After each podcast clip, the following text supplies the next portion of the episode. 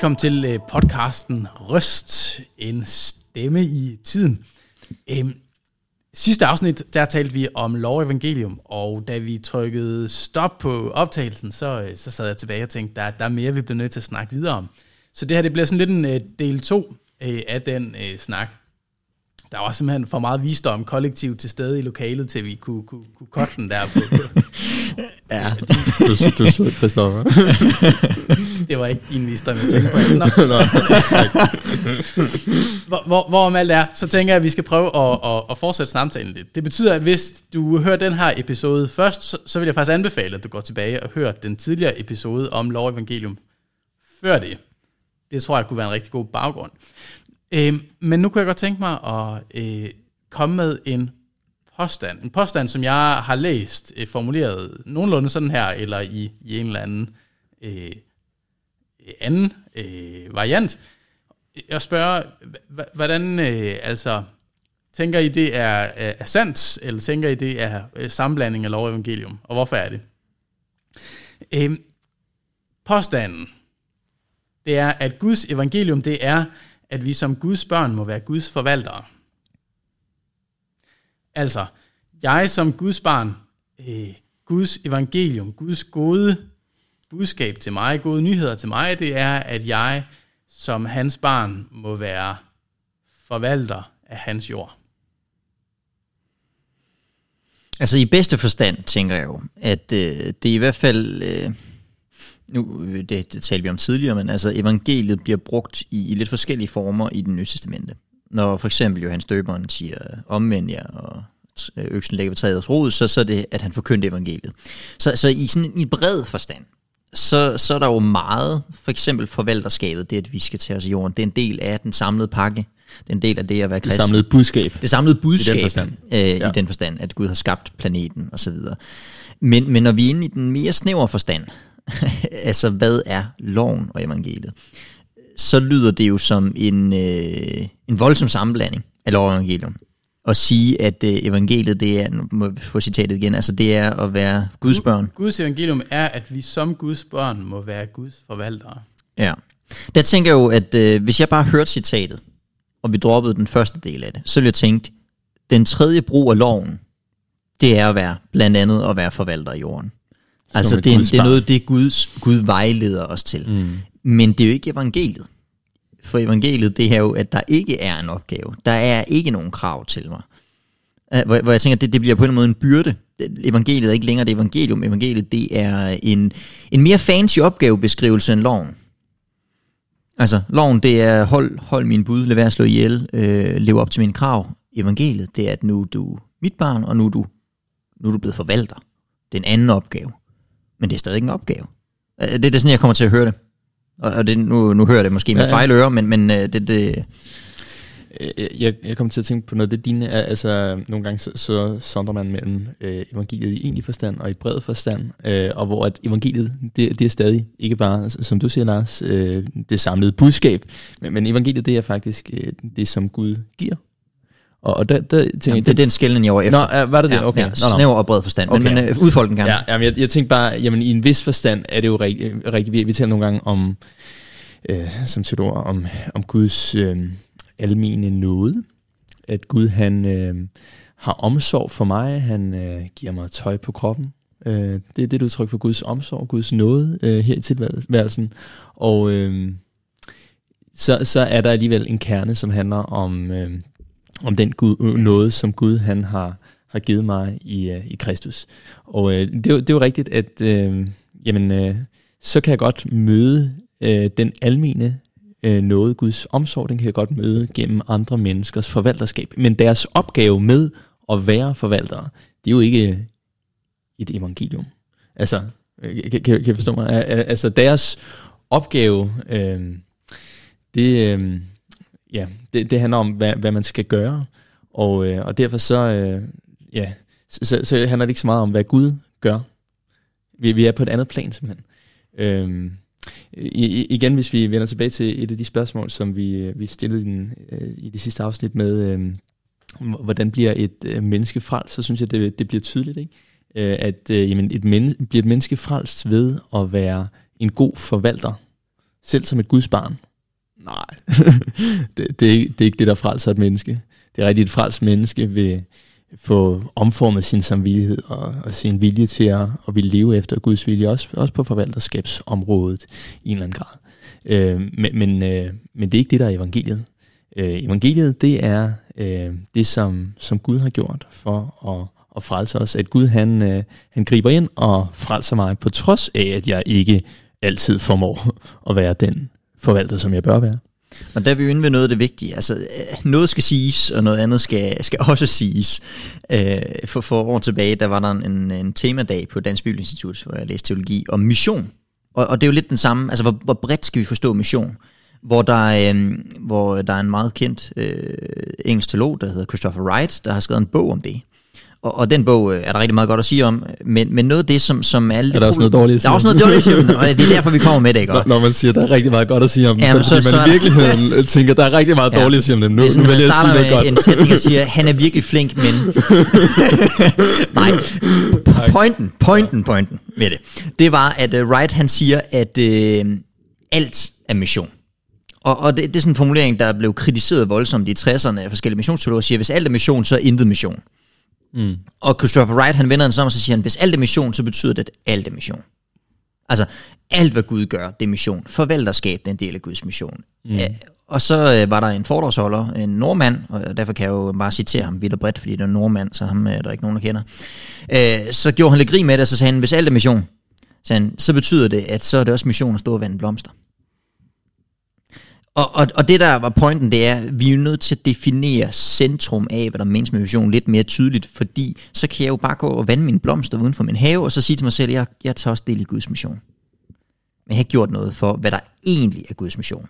Og i samme forstand, ja, i en eller anden forstand, så er det øh, en del af det samlede kristne budskab at være forvalter. Men hvis jeg siger, at det er evangeliet, så har jeg overhovedet ikke forstået evangeliet. Mm. Og i en anden forstand med mission, i en eller anden forstand, så ja, ja, tag dig af planeten. Øh, det, det er også en del af Guds opretholdelse af verden. Men, men i snæver forstand, så er det jo ikke mission. Mm. Og forvalterskab er ikke evangelium i snæver forstand. Tænker jeg. Men altså, Christoffer, nu stillede du spørgsmålet. Fiskede du efter noget? Jeg synes, I kommer meget godt omkring det. Så vi ramte, øh, vi ramte det, du fiskede efter. Preaching to the choir. Ja, lige præcis. Læreren er glad. Ja. Ja, det er svaret af Jesus, som man siger i børneklubben. Jeg synes jo netop, det er... Øh, mm, når jeg løber på det, den, den øh, påstand, eller det budskab i en eller anden variation, øh, så, er det, så, så, så, så, så spidser mine ører ofte, fordi jeg, jeg netop oplever øh, to ting. Den ene, det er, øh, hvordan blev vi så Guds børn? Altså, det, det, Ja. evangeliet er blevet antaget eller forudsat i første ja. omgang. Lige pludselig er alle blevet Guds børn, og, og, og, og evangeliet er så, at alle, som er Guds børn åbenbart, kan få lov at deltage. Øh, Så, så ikke bare bliver det, jeg betragter som det egentlige evangelie, forudsat eller på en eller anden måde øh, taget for givet, så er evangeliet nu også blevet formuleret som en byrde. Mm. Noget, jeg skal gøre. Ja. Øh, og det betyder ikke, at der ikke er noget, jeg skal gøre, men det er bare blevet en... Det, det er det eneste Guds budskab til mig, det er en byrde. Så hvor skal, hvor skal, jeg, hvor skal jeg finde fred? Og det tror jeg er virkelig vigtigt at påpege. Altså, selv hvis formuleringen savligt set var uproblematisk, jeg synes, den er lidt problematisk, men selv hvis man savligt set kan forstå den rigtigt, så er den sjælesørigt set problematisk, fordi netop bliver en byrde. Altså selv hvis, hvis den, okay, lad os sige med, med alle mellemregningerne, så kan den forstås korrekt, så, så bliver det hurtigt problematisk i mit liv. Mm. Altså, det, den er uklar. Du havde også øh, den der øh, tanke om, at øh, fra, fra Paul Hoffmann, om at teologi ikke er en Livskunst, det er en livskunst, dødskunst. men en dødskunst. Øh, og, og der er noget der, ikke også, hvor lige, lige pludselig er fokus blevet enormt denne side i, i det her liv. Altså, der, og der er øh, meget at sige om det kristne i dette liv. Men det nye testamente er, øh, altså med Paulus ord, at for mig er livet Kristus, så døden en vending. Den er orienteret mod det næste liv, det kommende liv. Øh, den nye jord, en nyskabelse. Øh, og, og, og lige pludselig så er evangeliet blevet noget, øh, her, og ikke noget, som jeg må tro og ikke se her nu, mm. men få del i, når Jesus kommer igen, at jeg virkelig var ren og retfærdig for Jesus skyld. Det kan jeg ikke se lige nu, men det må jeg tro. Øh, og at der virkelig ligger et liv foran, som mm. jeg håber på og ser hen imod øh, med, med længsel og glæde. Så, så jeg synes, der er nogle forskydninger. Ikke bare lovevangeliet, men, men flere andre steder. Ja. Øhm, nu, øh, nu, nu, nu foregreb du en lille smule med din øh, Christopher Wright øh, bashing, øh, du havde gang i der, øh, Lars. Var det Frank Ole, der var ham nu med? ja, ja, det var Frank Ole, men altså... Thorsen. Ja, ja, ja, men uh, Frank Ole... Øh, på Frank, jeg har stor respekt for dig, Frank Ole. Tak for det, du sagde. uh, jeg har det jo ikke, han skal jo ikke, uh, jeg har ikke ham som underviser. Så. Nå, du, du er bange Jeg slipper, jeg slipper. øhm, Jamen, der kan være lidt det samme, når det kommer til ikke bare forvalterskab, men også deltagelse i evangelisation. Altså der, mm. der har jeg mødt lidt den samme sammenblanding at Guds evangelie, det er, at jeg må arbejde med på hans øh, mm. mission. Øh, at jeg må forkynde evangeliet. Det bliver lidt den samme, ikke også? Mm. At, at, at øh, evangeliet bliver noget, jeg skal gøre. Mm. Øh. Selv hvis missionsforståelsen egentlig er korrekt og snæver. Øh, altså, det handler om at fortælle mennesker om Jesus, så de ja. kommer til at tro på ham. Altså, men det bliver et krav. Det bliver en byrde. Mm. Ja.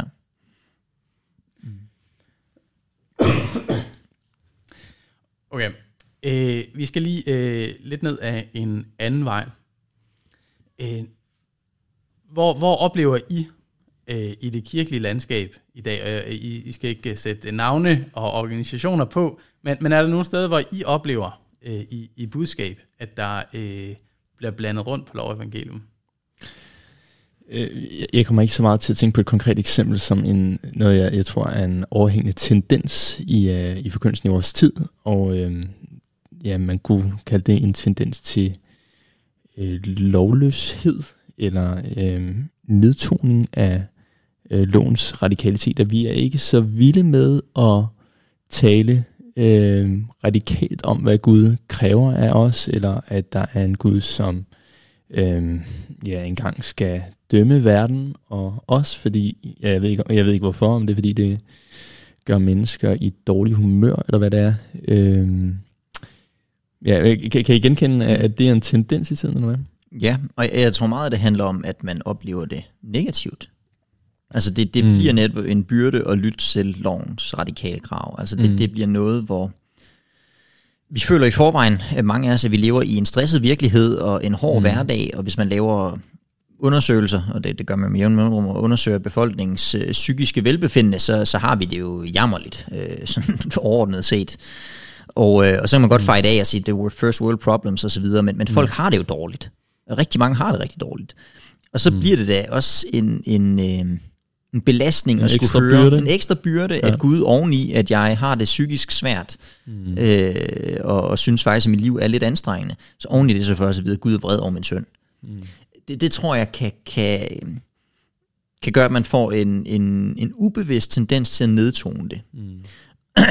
øhm, I mange år har det jo været en, øhm, en, en, en, en meget vigtig pointe, at vi skal forkynde skabelsens virkelighed. Vi skal forkynde, at vi er skabt værdifulde. Og det tror jeg virkelig, vi skal. Jeg tror, det, det kan blive en befrielse fra øh, nogle af de, øh, de byrder, noget af den lave selvværd, no, nogle af de kampe, man kan stå i, og få at vide, at du er skabt i Guds billede.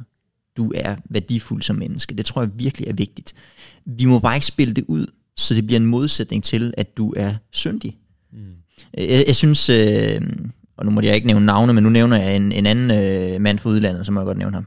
Agne Nolander, en, en svensk tidligere missionær, der har været bibelskoleleder. Han har skrevet en lille bog, der hedder Det kristne menneskesyn. Jeg synes, den er fremragende. Mm. Øh, det kristne syn på mennesket, hedder den. Hvor han skriver, at lige præcis det, at vi er skabt værdifulde, det er det, der gør, at vi er ansvarlige. Så, så vi kan jo ikke forkynde mm. menneskets enorme værdi, uden samtidig at få sagt, at det er det, der gør dig til en ansvarlig sønder. De to ting hører sammen. Så de skal ikke spilles ud mod hinanden. Men, men jeg tror, det er den tendens, man ikke kan få man kommer til at spille det ud mod hinanden i sit mm. hoved. Vi skal ikke forkynde Guds radikale krav, vi skal forkynde mennesker værdifulde, men det er to sider af den samme mønt. Mm. i, re, i realiteten. Men, men det, det kan det hurtigt... Vi risikerer hurtigt, at det ikke bliver det i vores øh, forberedelse måske. Der, der kan Ja. ja. være en... Nej, jamen, jeg kommer bare til at tænke på, øh, du, øh, når du nævner det der med, at, at det er en udfordring i vores tid. Det, det, det tror jeg også er rigtigt, at, øh, at vi kan have det svært med ligesom, at det skal blive en ekstra byrde. Og så kommer jeg lige, øh, og samtidig til, til at tænke på øh, noget, som også er, er rigtigt, tror jeg, at, øh, at det er jo ikke noget nyt, at vi kan blive nedtrykte over at høre den her virkelighed om os selv. Jeg kommer til at tænke på, på Paulus, som i 2. Korintherbrev øh, øh, siger, øh, øh, at øh, han, han sendte et brev til dem, og øh, ja, Øh, han siger, selvom jeg har for, voldt jer bedrøvelse med mit brev, fortryder jeg det ikke. Altså han har, han har påpeget helt vildt meget synd i, øh, i, i deres øh, liv også som menighed. Og så skriver han, og, og selvom jeg også havde fortrudt det, jeg ser jo i brevet om kun så for en kort tid gjorde jeg bedrevet, er jeg nu glad, ikke fordi I blev bedrøvet, men fordi I blev bedrøvet til omvendelse jeg, jeg synes, der er noget, noget godt i det der, at øh, jamen, pointen er ikke, at vi skal gå og have det dårligt med os selv, og det er heller ikke derfor, jeg tænker, at øh, vi kunne have godt af at og, øh, pusse øh, lovforkyndelsen af. Øh, pointen er, at vi øh, at, at det må føre os hen til erkendelsen for øh, erkendelsen af, at vi har brug for Jesus, erkendelsen af, at vi har brug for evangeliet, og, og det er også det, Paulus peger på her, at øh, han er ikke interesseret i, at de bare bliver bedrøvet for at blive bedrøvet. Så kan de sidde der og finde ud af, hvor nogle kæmpe store synder de er. Øh, det, det er jo ikke øh, pointen. Pointen er, at jamen, det kan godt være, at jeg er en stor synder, men der er en øh, Jesus, som er en stor frelser af mig, på trods af, hvem jeg er. På trods af, at han kender mig helt igennem, jamen, så vælger han ikke at holde det kendskab op imod mod mig. Han vælger ikke at holde mig ansvarlig, fordi han selv tog ansvaret på sine skuldre, da han døde på korset. Så der er en øh, universel, altid gældende øh, fristelse for at, øh, at, at skrue ned for loven, fordi vi på en eller anden måde ikke bryder os, om, bryder os om budskabet. Vi kan ikke Som- lide det som mennesker, ja. Og som Nej. måske får en ekstra dimension i vores tid, Lige netop. tænker jeg. Ja, Øhm, af terapeutiske årsager. af terapeutiske årsager, øh, apropos nu nævner, nu nævner Anson, øh, omvendelse, i, i- eller han citerer Paulus, altså bedrøvet til omvendelse. Øh, vi lever måske også i en tid, hvor, øh, hvem er jeg at skulle stå og sige, at du går den forkerte retning og skal vende dig om?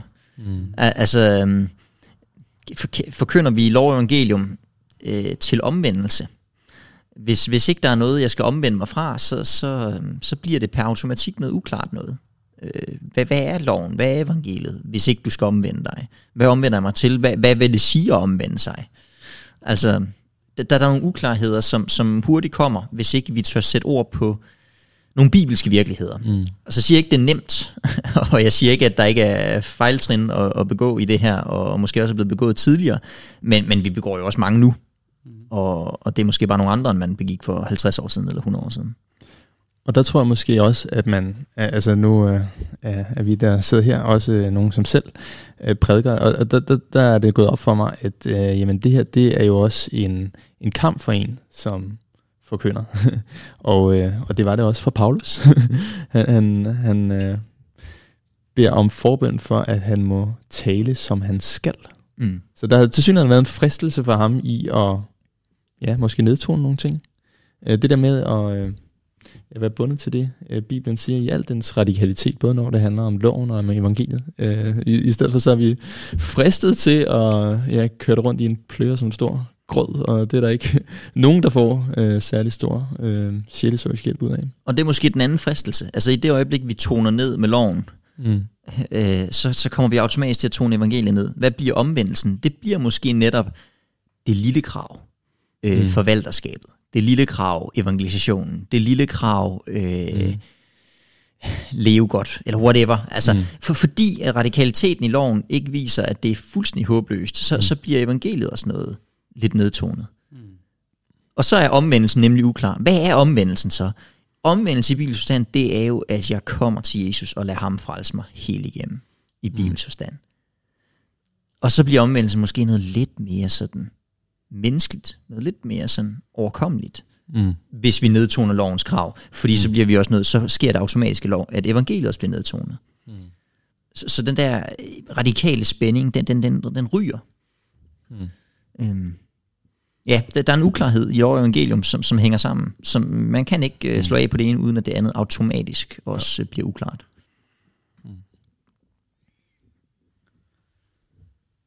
Jeg, jeg, jeg, har, jeg har selv erfaret som sjælesover og øh, prædikant, at, at øh, så længe jeg forkynder et positivt budskab, så, så er det sådan set en nem nok opgave. Øh, at, at det kan være angstprovokerende at stå foran mennesker og, og sådan. Øh, men der bliver, der bliver en alvor, og, og for mig noget, noget, jeg virkelig har skulle kæmpe med, der hvor budskabet, jeg mm. skal bringe, øh, har implikationer som fordømmer noget, som mm. tilhørende øh, kæmper med, eller øh, giver klar vejledning på nogle områder. Øh, når der bliver stille i salen, eller når folk bevidst finder mobiltelefonen frem og slår øjnene ned. Det, ja. det, eller det er i hvert fald ting, jeg har oplevet. Har du oplevet, at folk bevidst tager ja, mobiltelefonen Ja, og jeg er helt sikker på, at det var det, det handlede om. Ja. Okay. Ja. I, altså, i, I det sjældesørske rum, når, når, når jeg har siddet og sammen, snakket med en konkret person, som har øh, givet sig hen til en konkret synd, og hvor personen ikke øh, entydigt havde et ønske om at aflægge sig den synd og kæmpe med den. Det vil være nemt at sige, Gud elsker dig. Mm. Hvorfor så vidt er der noget sandt i det? Men for mig at se i den situation, måtte jeg sige, og, og flere lignende situationer sige, det du gør, der er under Guds vrede dom, og folk, der gør sådan, skal ifølge Paulus gætterbrevet ikke arve evigt liv. Det var, øh, det, det, det kan jeg huske, har været helt vildt svært mm. øh, for mig. Også efterfølgende havde jeg virkelig belæg for det, jeg sagde. Det, det, altså, mm. Der bliver et, et behov for at gå hjem og grænske. Mm. Har jeg dækning? Så det er ikke kun af mine egne ord, men, men, men det er faktisk skriftens mm. ord, jeg, jeg har sat ord på. Øh, men, men, men der er samtidig den der afhængighed af Gud. Nu, nu har jeg virkelig talt radikalt og alvorligt. Må det virke til mm. fred? Må det være en bedrøvelse til omvendelse? Mm. Så jeg bliver medarbejder på deres glæde.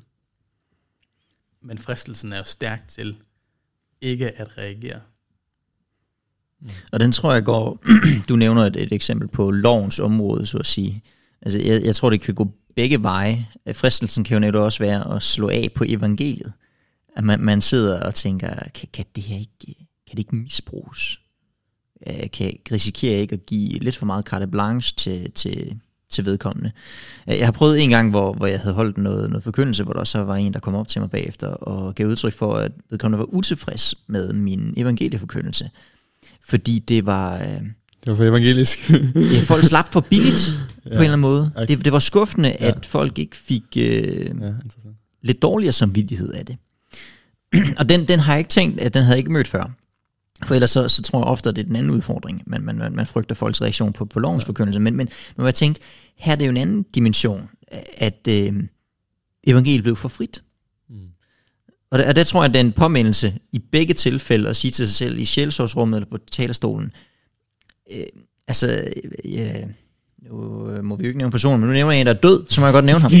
er det nu har jeg nævnt nordmand og svensker, og nu har jeg nævnt den danske, der er død. Okay. øh, Hans Erik Nissen, der var forstander på Luthers Missions Højskole i mange år, hvor han siger, at lov evangelium, det skal forkyndes i sin fulde radikalitet. Ja. Og når vi, når vi forkynder evangeliet for fulde omdrejninger, så skal vi ikke tænke over at have et lille forbehold med loven. Mm. Og omvendt, når vi forkynder loven i sin fulde radikalitet, så skal vi ikke have et lille evangelisk forbehold. Den fulde radikalitet skal stå i begge tilfælde. Mm. Og Christoffer nævner det øh, et godt eksempel på lovens område, og, og jeg ved ikke, om mit eksempel på evangeliets område er godt. Mm. Det kan også være, at jeg ikke forkyndt særlig godt den dag. Men, men øh, jeg har tænkt det bagefter, at det var risikoen værd. Mm. Selv hvis jeg ikke lykkedes med det på en god måde den dag, så er det risikoen værd. Nogle gange skal folk gå hjem og tænke, hvis det prædikanten siger i dag er rigtigt, så går jeg bare fortabt. Og nogle gange så skal de gå hjem, og så skal de tænke, hvis det prædikanten siger i dag er rigtigt, kan jeg så ikke bare leve, som jeg vil? For det er så frit. Vi skal turde lade kontrasterne stå. Lad kontrasterne stå, tænker jeg. Og jeg tænker også, at det er det, som Paulus gør. I øh, begyndelsen af Romerbrevet, så øh, prædiker Paulus. Øh, nej, ja, Paulus han prædiker evangeliet rigtig klart i, skriver det. i Romerbrevet. Jeg skriver det. uh, man kan godt prædike på skrift, tror jeg. Ej, men uh, han taler blandt andet om, at vi har fred med Gud, og uh, han har, uh, fordi han, øh, ja, han, øh, ja, Guds kærlighed har vist os ved, at han, han frelste os, mens vi endnu var hans fjender, mens vi endnu var ja, på afstand af ham. Og uh, så siger han i Romerbrevet kapitel 6, vers 1, hvad følger nu heraf? Altså, hvad er konsekvensen af det her budskab om, at Gud, hans nåde er så radikal, at selv den største synder han i stand til at frelse? Så siger han, skal, skal vi blive i synden, for at nåden kan blive så meget større? Som om, at, at jamen, øh, hvis Gud kan frelse store synder, så må jeg vel vise mig, at jeg er en kæmpe stor synder. Og Gud, tænk engang, Gud han er også i stand til at frelse mig. Skal jeg ikke, er det ikke den måde, jeg gør Guds nåde stor på? Og, og så, så lægger han vægt på, på den virkelighed, som du beskrev øh, før, øh, Christoffer, om, øh, eller i sidste afsnit, om at, øh, at, at vi er døde for synden i kraft af, at vi, øh, ja, vi i dåben er, er, er fået sammen med Jesus. Så hænger vi sammen med ham i, i hans død også, da han blev korsfæstet og hang på korset. Øh, men jeg synes bare, det, det, det er meget fint det der med, at jamen, øh, måske er det, Paulus øh, peger på her i virkeligheden, at, øh, at øh, jamen, vi, kan, vi kan forvente, at hvis vi prædiker evangeliet klart nok, at, at så vil der melde sig nogle spørgsmål. Det er den naturlige misforståelse ja. på evangeliet. Så. Ja. Jeg, jeg, jeg kunne have lyst til uh, lige at nævne en anden ting. Uh, det, det er fordi, vi, uh, nu, nu taler vi om det her med reaktioner uh, på uh, bestemte budskaber. Og uh, jeg, jeg, jeg har så oplevet uh, noget, uh, som jeg har studset lidt over. Og det, det er, øh, jeg har oplevet det, og, og så øh, prædiket et budskab, hvor jeg tænkte, og det her, det er så utroligt evangelisk. Og, og så bagefter øh, få den reaktion, det var godt nok alvorligt i dag.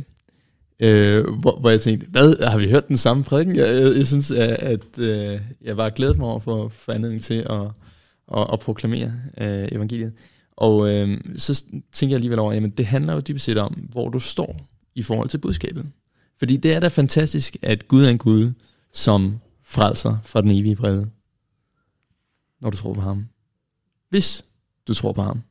Fordi hvis ikke du tror på ham, jamen så, så har han jo ikke frelst dig fra den evige vrede. Jamen så er du jo under den evige vrede.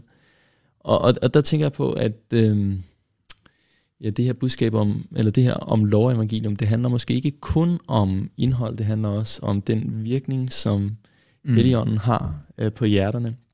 Øh, jeg, jeg, jeg hørte på et tidspunkt, øh, øh, det var øh, Hans Ole Bækgaard, der er formand for Innovation. Som, øh, nu nævnte du en levende person. Ja, men, jamen, jeg, har, jeg, har ikke, øh, jeg tror ikke, der er nedlagt navneforbud i, i sagen her. Okay, det troede jeg. Øh, må man ikke nævne... Øh, ja, jeg har jo nævnt tre, men øh, kom videre ja, med det. Okay, ja. Ah, okay. Øh, ej, men jeg, jeg hørte ham øh, sige noget om lov og evangelium på et tidspunkt, det, vi tæller måske 10 år siden, øh, hvor, hvor han så kom med nogle eksempler på, på bibelcitater, hvor han nævnte blandt andet øh, Johannes 3, øh, 16, øh, for således elskede Gud verden, at den øh, hver, som tror for ham, ikke skal fortabes, men have evigt liv. Og øh, så spurgte han så, er det så lov og evangelium, og jeg var dum nok til at række hånden op, øh, for ligesom at blive udstillet øh, socialt. Øh, og, og, og sige, jamen det var selvfølgelig evangeliet, fordi jamen, det er vel netop stort, at, øh, at Gud han har, har frelst mig på den måde. Og så, så siger han, Øh, jamen, så, så sagde han nemlig noget om, at øh, nej, jeg i hvert fald havde svaret forkert. Det var mest det, jeg kunne huske, og så, så kiggede jeg dem med, med skam og skylden bagefter. øhm, ja, ej, men, øhm, men, men, men det siger måske netop noget om den samme virkelighed, det her med, at jamen, det, det handler noget om, øh, hvor du står i forhold til budskabet. Øhm, altså, det er fantastisk, at Gud han elsker verden, og i en vis forstand er vi alle sammen en del af verden. Øh, men at enhver, som tror på ham, ikke skal fortabes, men have evigt liv, det er kun et godt budskab for den, som tror. Mm. Og hvis jeg må nævne min fjerde person, og han er også død, men han er tysker. Nu har jeg nævnt en nordmand, en svensker og en dansker, nu nævner jeg en tysker, nemlig Luther. Han, øh, han siger et sted, at, øh, at øh, korset, det er, det er den kraftigste forkyndelse af evangeliet, og samtidig så den kraftigste forkyndelse af Guds vrede. Og, og det er jo lige præcis mm. det, du er inde på der. Altså det er ja. Johannes 3,16. Er det evangelium, er det lov? Jamen det, det viser, det er jo ikke, du kan ikke bare slå op og så sige, det er det evangelium, og det er lov. Det er, det er i modtagerens hjerte, at Guds ånd forkynder loven og evangeliet. Korset, det kan både være øh, evangeliet, og det, det er det, vi håber, og det vi beder til, at det mm. bliver, men det kan faktisk også bare være loven. Mm. Hvis jeg bare ser en vred Gud, så er det bare lov. Mm. og ikke evangelium. Altså, øh, det synes jeg indrammer øh, det Luther-citat meget godt. Øh, mm. det, det, som du prøver, ja, som du ja, sagde, ja. du prøvede, ikke? Du løs også med det.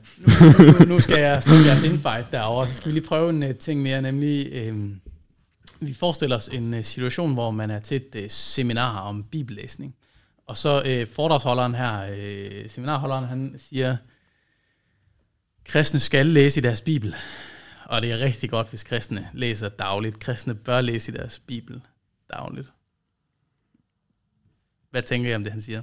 Så rejser vi op, og så klapper vi i vores hænder. Nej, okay, jeg har måske også nogle indvendinger. Men, men i udgangspunktet, så, så er vi jo inde omkring noget, hvor jeg tænker, det er bare rigtig, rigtig godt. Så, så han, kristne skal læse i Bibelen, det er det, der ja. udsagn, ja. vi får dig ja. til. Ja, præcis. Og det er nemlig rigtig, rigtig godt at læse i sin Bibel. Og så er der lige det, der skal, som bliver lidt problematisk. Altså, hvor, hvor jeg tænker, der, der sker der måske en, en sammenblanding. Altså, er, er der noget, jeg... Jeg vil hellere sige, at kristne læser i Bibelen. Ja. Altså, øhm, altså forstået på den måde, der, der, der er sådan en talemåde, jeg ved faktisk ikke, om det er et citat, eller hvad det er. Men måske er det en afdød, sikkert tysker. Ej, jeg ved det ikke, men altså en, øh, en øh, gode gerninger gør ikke en kristen, men en kristen gør gode gerninger.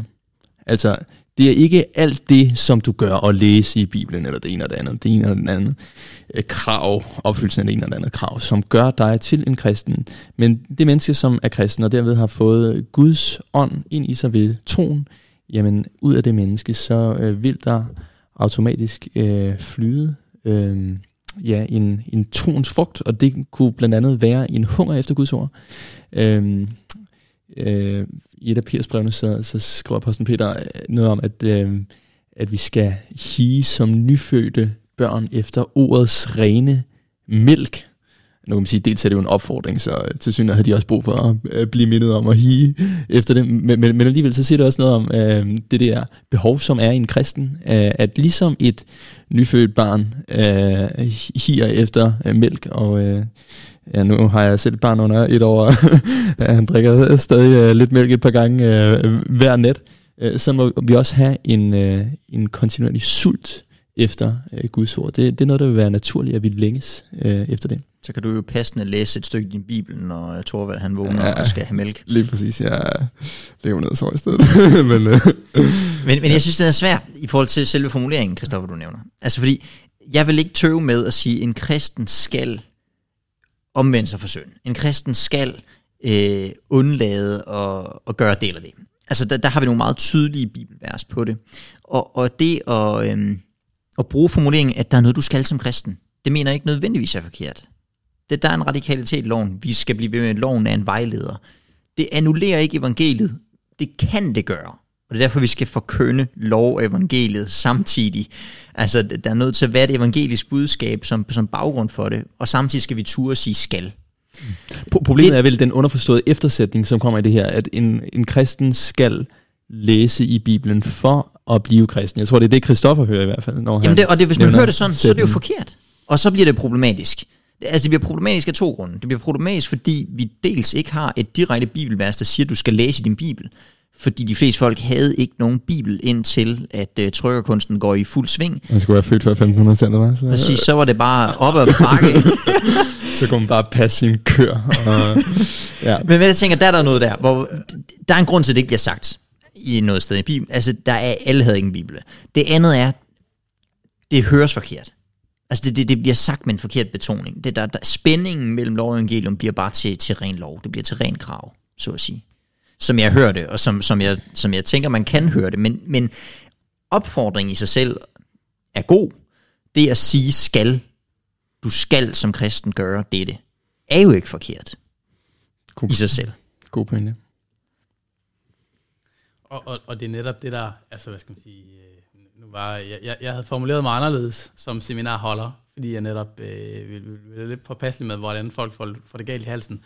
Men den sjælesoviske samtale har jeg ofte mødt folk, der netop har deres bibellæsning som et skyld- og skamområde mm. i deres tro. Jeg burde læse mere. Og for så vidt kunne jeg sige, ja, det havde været godt til dig, det kan jeg fornemme på dit liv. Øh, det tror jeg mm. havde været sundt for dig. Men hvis du øh, tænker om det som noget, du skylder Gud, så bliver det bare tungt. Mm. Øh, men netop, hvis du læser din bibel, fordi det godt for dig, det er sundt for dig, du har behov for det. Øh, altså, jeg skal tale med min kone. Ja, ja, det skal jeg. Øh, men, men, men det er ikke nogen sund motivation for mig at tale med min kone, hvis jeg skal. Men, men jeg taler med min kone, fordi jeg gerne vil det, og fordi jeg har brug for det. Øh, så, så, så der er mange områder i livet, hvor vi kan få lov evangelium galt i halsen på, og, og hvor netop vi bliver nødt til øh, at kunne skelne lidt mellem, hvad der er blevet sagt, og hvordan det er blevet modtaget. Øh, og det er nogle gange den store udfordring ved at være forkynder. Det er, at du taler til øh, alt imellem øh, 5 og 500, ikke også? Og, så, og, og, og du har ikke styr på, hvordan de hører dit budskab. Mm. Øh, du kan gardere dig nogle steder, du kan prøve at forklare og præcisere og øve dig i at formulere det, øh, men i sidste ende, så må du øh, vente på, at de går hjem, og står til, at der ingen af dem kommenterer alligevel på det, du har sagt, så du ved ikke, hvordan det er landet. Og så har du så tømmermænd dagen efter, der har øh, shit, øh, forkynder tømmermænd. Ja, det er vigtigt at understrege, at du er ude og... Apropos udsagn, der kan misforstås, ja. Øh, Sermon Blues. Og øh, vi bevæger os videre. Men, men, men, men, øh, men, men den sjælsovske samtale, der kan du i langt højere grad fornemme, hvordan mm. lander det, jeg faktisk siger til dig. Øh, men, men, men det er den spænding, vi står i. Og der synes jeg, der, der, der er en vigtig point i forhold til det sjælsovske, at i sjælsovsrummet kan man i endnu højere grad være ensidig. Vægtlægge et aspekt. Hvor, hvor på talerstolen, så, så må en prædiken godt være ensidig. Det, det, det vil den jo som regel være. Man, man, man vælger en vinkel. Øh, men, men over tid skal det være lov og evangelium. Over tid skal begge dele lyde. I sjælsårsrummet kan vi være lidt mere ensidige. Øhm, en, en god formulering, som, som er blevet brugt ofte gennem øh, kirkens historie, som jeg synes er, er god at holde sig for øje, også når jeg forbereder en prædiken, det er, at lov og evangelium, det skal lyde med en vis samtidighed, men sådan, at evangeliet får den logiske prioritet. Altså, det skal lyde med en vis samtidighed, men sådan, at evangeliet får den logiske prioritet. Mm. Det betyder, at jeg må, jeg må lægge fuld knald på loven, men i sidste ende, så skal folk gå hjem og have en fornemmelse af, at evangeliet det er den logiske prioritet. Det er det, der frelser En, en lille historie. Mm. Martin Lloyd Jones øh, var præst i øh, London under 2. verdenskrig. Så nu er vi ved en englænder. Nu er vi i hele Nordland. Han er også død, bare. Og han er også død, ja. Kom med det. Bomberne falder. Øh, ja. Han øh, er præst i en kirke, hvor han forkynder mm. øh, morgen og aften. Så øh, knap 100 prædikner eller deromkring om året har han øh, skulle levere der. Øh, det har været intenst. Han øh, vælger øh, på et tidspunkt at, at, at tænke, jeg kan holde en ren lovprædiken om formiddagen, og så kan jeg servere evangeliet om aftenen. I løbet af den eftermiddag, så falder bomberne over London. Og så får han det bare dårligt. For hvad nu, hvis en af dem, jeg har let til øh, helvedes afgrund under Guds vrede, øh, bliver taget af en bombe i eftermiddag, Mm. så har jeg svigtet mit kald. Og derfor fik han det sådan, at han aldrig, aldrig ville lade en prædiken være ren lov. Øh, Jeg tænker ikke, at der skal være nogen matematik for, hvor meget lov evangelium der må være i en Mm. prædiken. Det tænker jeg er godt at lade teksten afgøre, og, og, og, og åndens vejledning, når man forbereder sig, og så meget andet. Man er i gang med et længere forløb, måske som præst og underviser og sådan, men at loven aldrig får lov at stå alene. Mm. For i sidste ende, så har den øh, et begrænset budskab og en begrænset effekt. Den mm. kan kun stille os med tomme hænder i sidste ende. Og. Ja. der har vi brug for igen og igen og igen at blive peget i retningen af ham, der så mm. kan samle os op Mm. øh, og gribe os, når vi falder. Tak fordi du lyttede med til podcasten Røst. Podcasten er støttet af Luthers Missions Højskole og Norea Mediemission. Vi vender tilbage med nye.